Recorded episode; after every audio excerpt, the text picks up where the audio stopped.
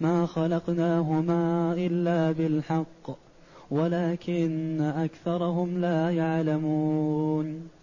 إن يوم الفصل ميقاتهم أجمعين يوم لا يغني مولا عن مولا شيئا ولا هم ينصرون. إلا من رحم الله إنه هو العزيز الرحيم. هذه الآيات الكريمة من سورة الدخان جاءت بعد قوله جل وعلا وعيدا لكفار قريش أهم خير أم قوم تبع والذين من قبلهم أهلكناهم إنهم كانوا مجرمين؟ وما خلقنا السماوات والأرض وما بينهما لاعبين.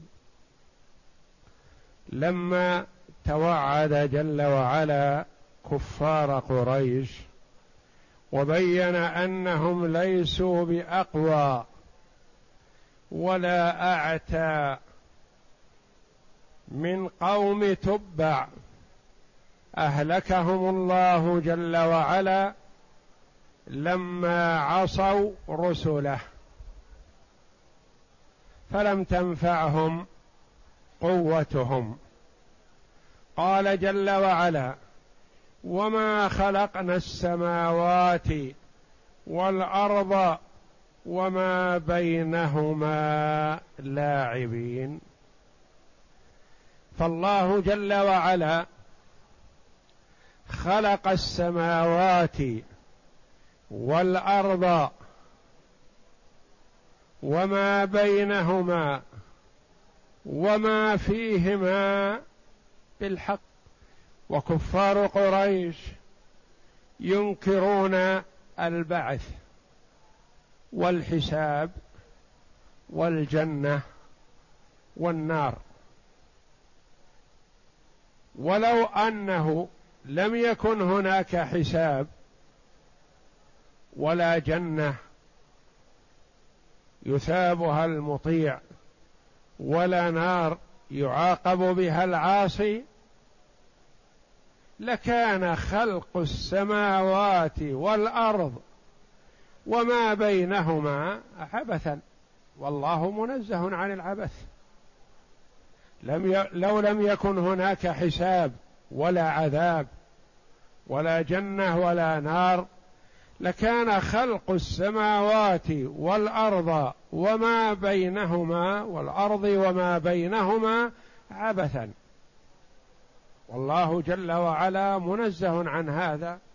ولذا قال وما خلقنا السماوات والأرض وما بينهما لاعبين. يعني بغير غرض صحيح. قال مقاتل رحمه الله لم نخلقهما عابثين لغير شيء. وقال الكلبي لاهين. وقرئ قرأ الجمهور وما بينهما. وقرئ وما بينهن لأن السماوات والأرض جمع. ما خلقناهما إلا بالحق. ما خلقناهما وما بينهما وما فيهما إلا بالحق بالأمر الحق أو بالعدل أو لإقامة الحق وإظهاره. أو لإثابة المطيع وعقاب العاصي الذي هو العدل عدله جل وعلا. ما خلقناهما إلا بالحق ولكن أكثرهم لا يعلمون. أكثرهم أكثر الناس لا يعلمون. فجل الخلق وجل الثقلين عصاة لا يعلمون لا يؤدون حق الله. ولو علموا حقيقة ما يستحقه الله جل وعلا من العبادة لأفردوه بالعبادة وحده لا شريك له. ولكنهم لجهلهم اعرضوا عن عبادته. والله جل وعلا يقول وما أكثر الناس ولو حرصت بمؤمنين. وإن تطع أكثر من في الأرض يضلوك عن سبيل الله. فالله جل وعلا يبين أن الأكثرية على الضلال فلذا لا يجوز للمرء أن يغتر بالأكثر. ويقول جل الناس على هذا أو أكثر الناس على هذا أو تعارف الناس على هذا. لا. الحق يعرف بدليله لا بكثرة الناس. فكثرة الناس غالبا على الضلال. ليسوا على الحق. ولكن أكثرهم لا يعلمون. لقصور نظرهم واهتمامهم بأمر دنياهم وتضييعهم لما خلقوا له. وفي هذا تجهيل لمنكر البعث. أن منكر البعث جاهل. ولو كان عنده شيء من العقل لأدرك أن البعث قبل أن يجب ويعلم بالشرع يعرف بالعقل. لأن الله جل وعلا أمر العباد ونهاهم. وكلفهم. والدنيا ليست بدار جزاء. وما نرى أن الله عجل الثواب لكل من أطاع. وعجل العقاب لكل من عصى. حتى نقول إن المسألة تنتهي عند هذا نرى كثيرا من العصاة في نعمة في الدنيا. ونرى كثيرا من المطيعين الصالحين في ضيق في الدنيا. ولو أنه لم يكن هناك إلا الدنيا لنسب إلى الله جل وعلا وهو منزه عن ذلك الجور والظلم وعدم إعطاء المطيع حقه. وإكرام العاصي والله جل وعلا منزه عن ذلك. والدنيا لا تزن عند الله جناح بعوضة. ولو كانت تزن عند الله جناح بعوضة ما سقى الكافر منها شربة ماء. ولكن أكثرهم لا يعلمون.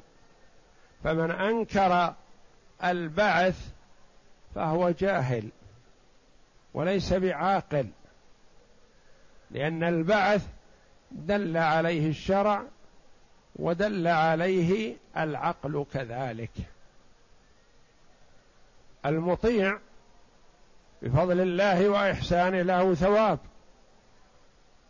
والعاصي بعدل الله جل وعلا وحكمته يستحق العقاب. وما نرى شيئا من هذا في الدنيا. لأن الله جل وعلا يعطي الدنيا من يحب ومن لا يحب. إذا فمتى يكون الثواب والعقاب؟ لابد وأن يكون متى؟ بعد البعث. والله جل وعلا لم يرضى الدنيا نعيما وثوابا لأوليائه. ما رضيها لأنها مؤقتة يسيرة وثواب الله عظيم. كما أنه جل وعلا لم يرضها عقابا لأعدائه لأنها تضمحل وتنتهي. وثواب الله جل وعلا ثابت دائما وابدا. كما أن عقابه كذلك لمن عصاه بعد إقامة الحجة عليه. والاستدلال بخلق السماوات والأرض وما بينهما على البعث ظاهر. لأن الله جل وعلا خلقهما بالحق والعدل والحكمة. وأمر وكلف ونهى وحذر. فالمطيع يرجو الثواب. والعاصي يستحق العقاب. وأين هو؟ كل هذا في الدار الآخرة. يقول تعالى مخبرا عن عدله وتنزيهه نفسه عن اللعب والعبث والباطل كقوله وما خلقنا السماء والارض وما بينهما باطلا ذلك ظن الذين كفروا فويل للذين كفروا من النار. الآيات المماثلة لهذه الآية كثير في كتاب الله. نعم. وقال أفحسبتم أنما خلقناكم عبثا وأنكم إلينا لا ترجعون؟ يعني لو لم يكن هناك رجوع إلى الله جل وعلا لكان خلق الخلق عبثا والله منزه عن ذلك. نعم. فتعالى الله الملك الحق لا إله إلا هو رب العرش الكريم. ثم قال إن يوم الفصل وهو يوم القيامة يفصل الله فيه بين الخلائق فيعذب الكافرين ويثيب المؤمنين. وقوله ميقاتهم أجمعين أي يجمعهم كلهم أولهم وآخرهم. يوم لا يغني مولا عن مولا شيئا أي لا ينفع قريب قريبا. كقوله فإذا نفخ في الصور فلا أنساب بينهم يومئذ ولا يتساءلون. وكقوله ولا ولا يسأل حميم حميما أي لا يسأل أخاه عن حاله وهو يراه عيانا وقوله ولا هم ينصرون أي لا ينصر القريب قريبه ولا يأتيه نصره من خارج. ثم قال إلا من رحم الله أي لا ينفع يومئذ إلا من رحمه الله عز وجل لخلقه. إنه إنه هو العزيز الرحيم أي هو عزيز ذو رحمة واسعة. إن يوم الفصل ميقاتهم أجمعين. يوم الفصل يوم القيامة. كما في قول الله جل وعلا إن يوم الفصل كان ميقاتا. وقال جل وعلا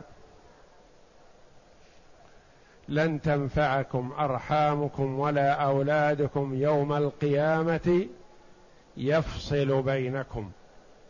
إن يوم الفصل الذي هو يوم القيامة. كان ميقات إن يوم الفصل ميقاتهم أجمعين. يعني ميقات الخلق هو الوقت الذي يفصل الله جل وعلا فيه بين الخلائق. إن يوم الفصل ميقاتهم برفع كلمة ميقاتهم. خبر إن على قراءة الجمهور. وقرأ بعضهم إن يوم الفصل ميقاتهم على أن ميقاتهم هو اسم إن ويوم الفصل الظرف في محل الرفع متعلق محذوف خبر إن. ميقاتهم أجمعين أي جميع الخلائق. يجمع الله فيه الأولين والآخرين ويفصل بينهم يقضي جل وعلا بينهم بالحق.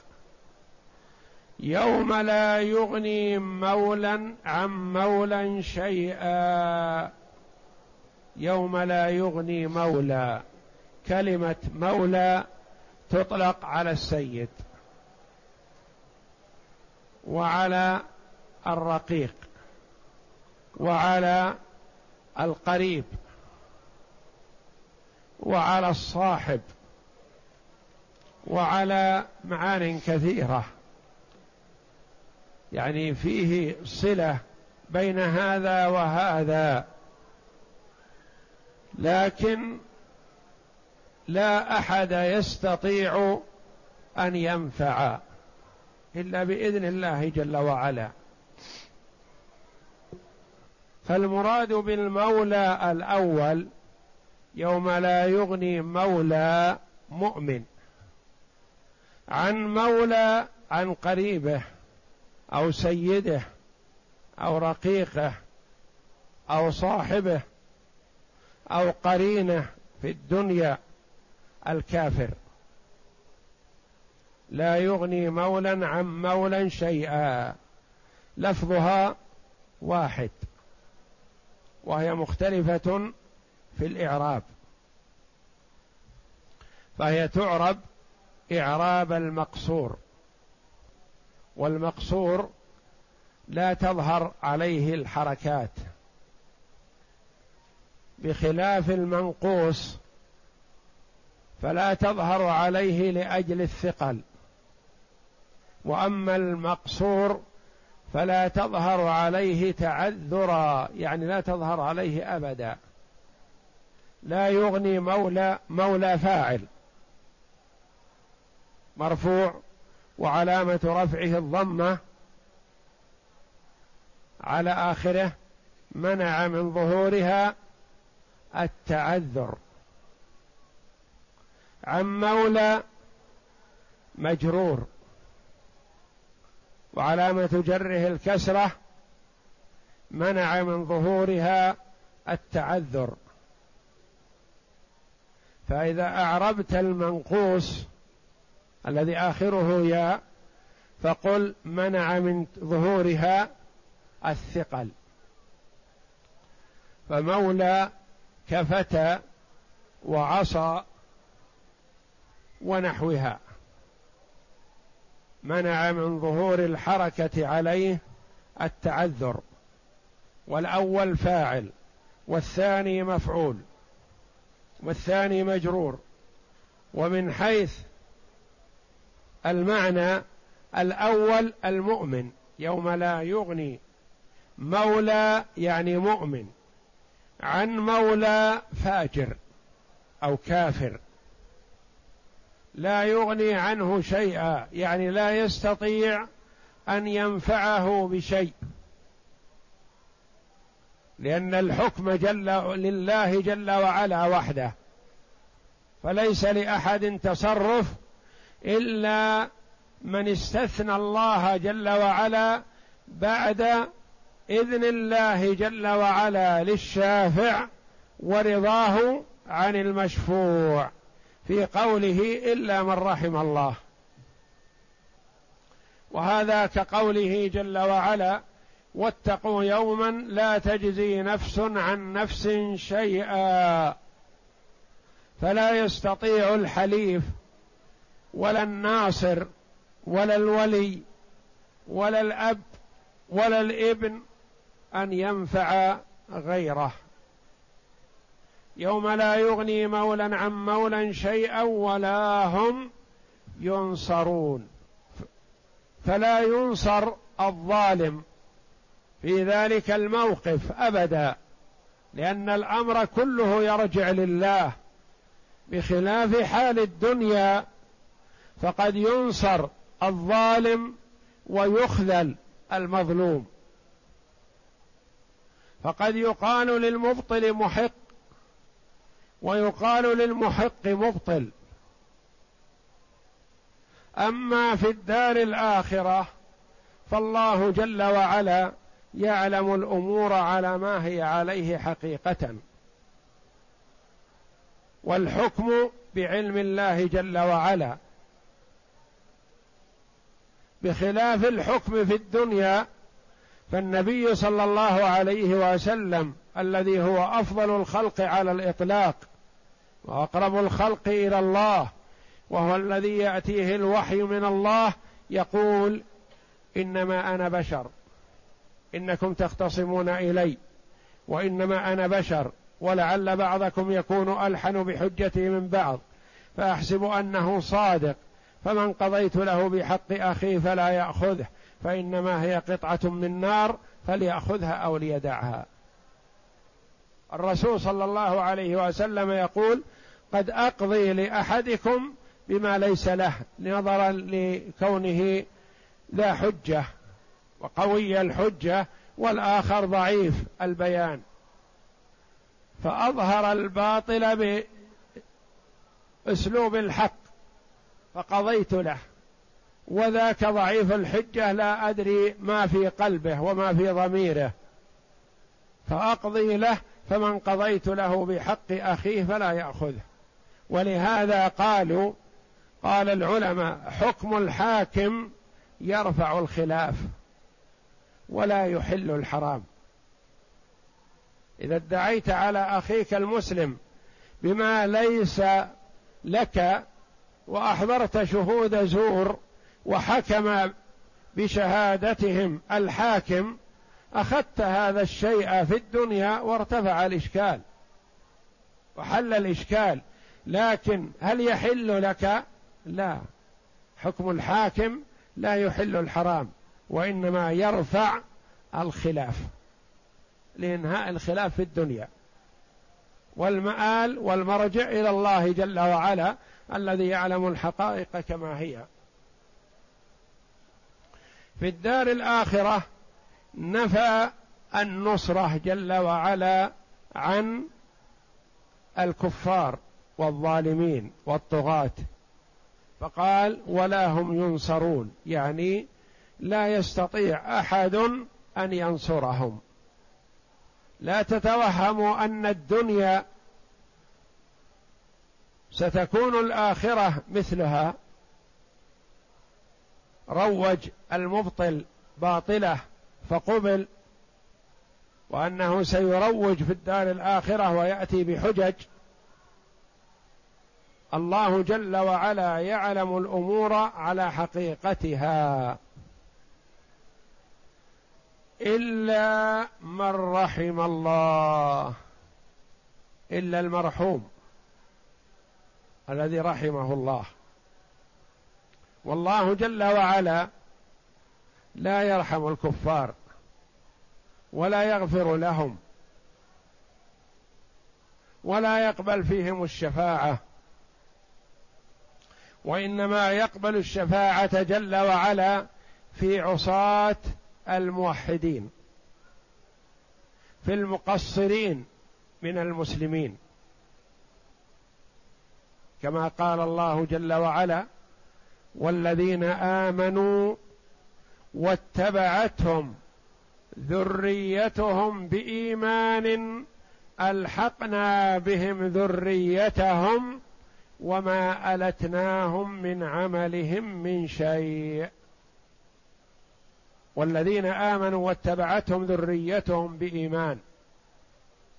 الاباء صلحاء اتقياء مجتنبون للكبائر.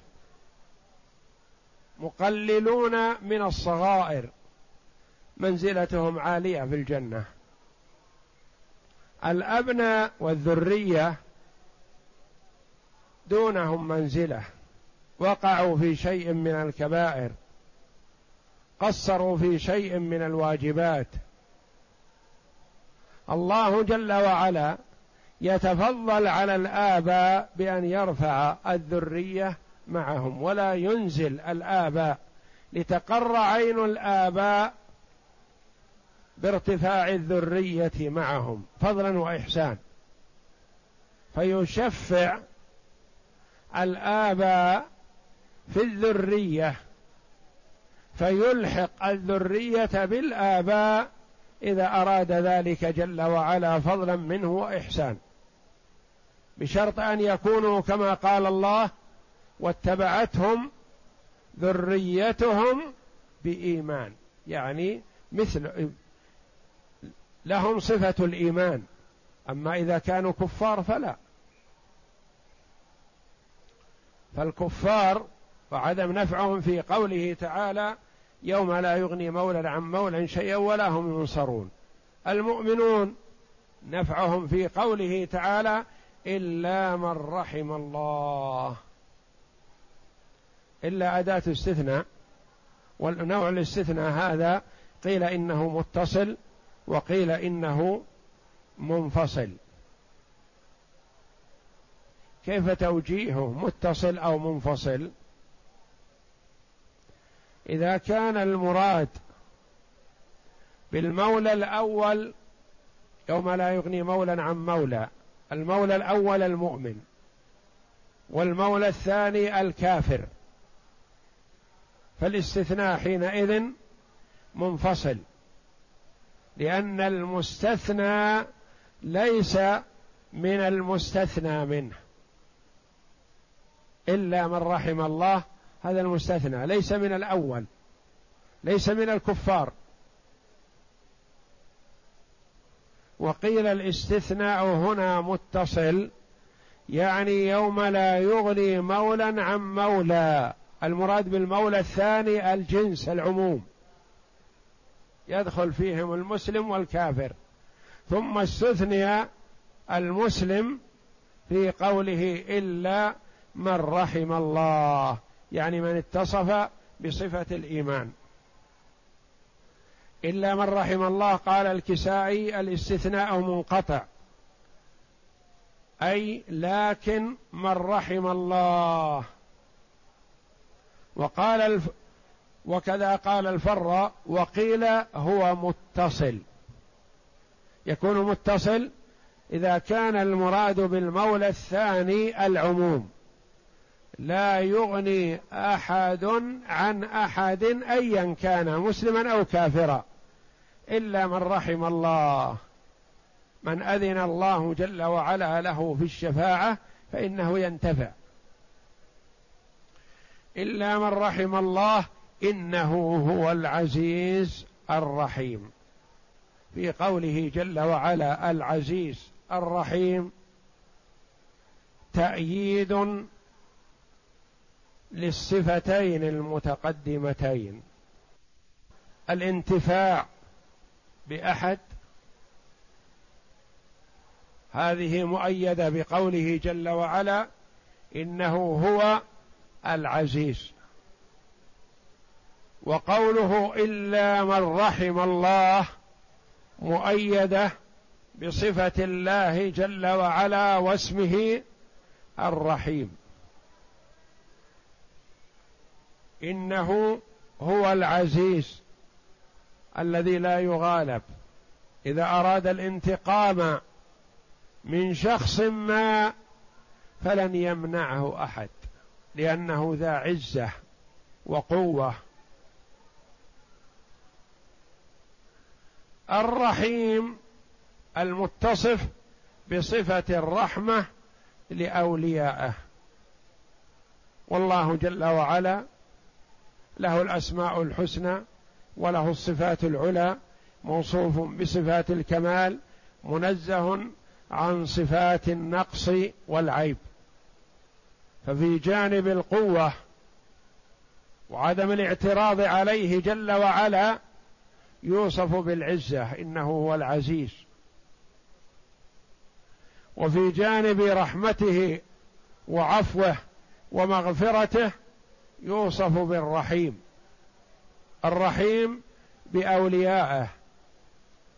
العزيز في جانب أعدائه والظلمة. والطغاة والمجرمين. إلا من رحم الله إنه هو العزيز الرحيم. وعرفنا تأييد هذين الاسمين والوصفين الجليلين لله جل وعلا لما تقدم. فلا يغني مولا عن مولى لأن الله عزيز. فلا يتجرأ أحد أن ينفع أحد ولا يستطيع. إلا من رحم الله من عباده الذين يستحقون الرحمة وهم المؤمنون لأن الله جل وعلا رحيم بعباده. رحيم بمن أطاعه. وإن حصل منه شيء من المعصية.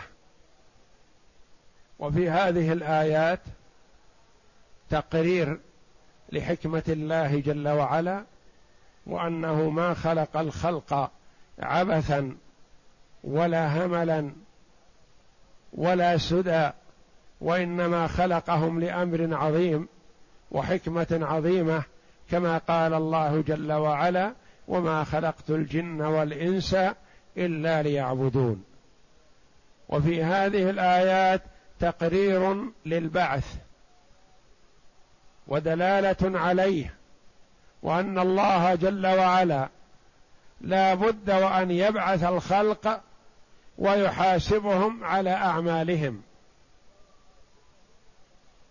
فيثيب المطيع ويتفضل عليه ويزيده من فضله. ويعاقب العاصي بعدله وحكمته وهو جل وعلا يزيد في الثواب ولا يزيد في العقاب. فلا يعاقب إلا من يستحق العقاب وهو جل وعلا يثيب ويزيد في ثوابه جل وعلا. وفي هذه الآيات تجهيل وتضليل لمنكر البعث وأن البعث دل عليه الشرع كما دل عليه العقل. فالعاقل يدرك أن الله حينما أمر ونهى لا بد وأن يكون لأمره ونهيه نتائج. من الثواب للمطيع والعقاب للعاصي. فالعقل السليم يقرر ويعترف بالبعث كما أن النقل من الكتاب والسنة دل على ذلك. والله أعلم. وصلى الله وسلم وبارك على عبده ورسول نبينا محمد وعلى آله وصحبه أجمعين.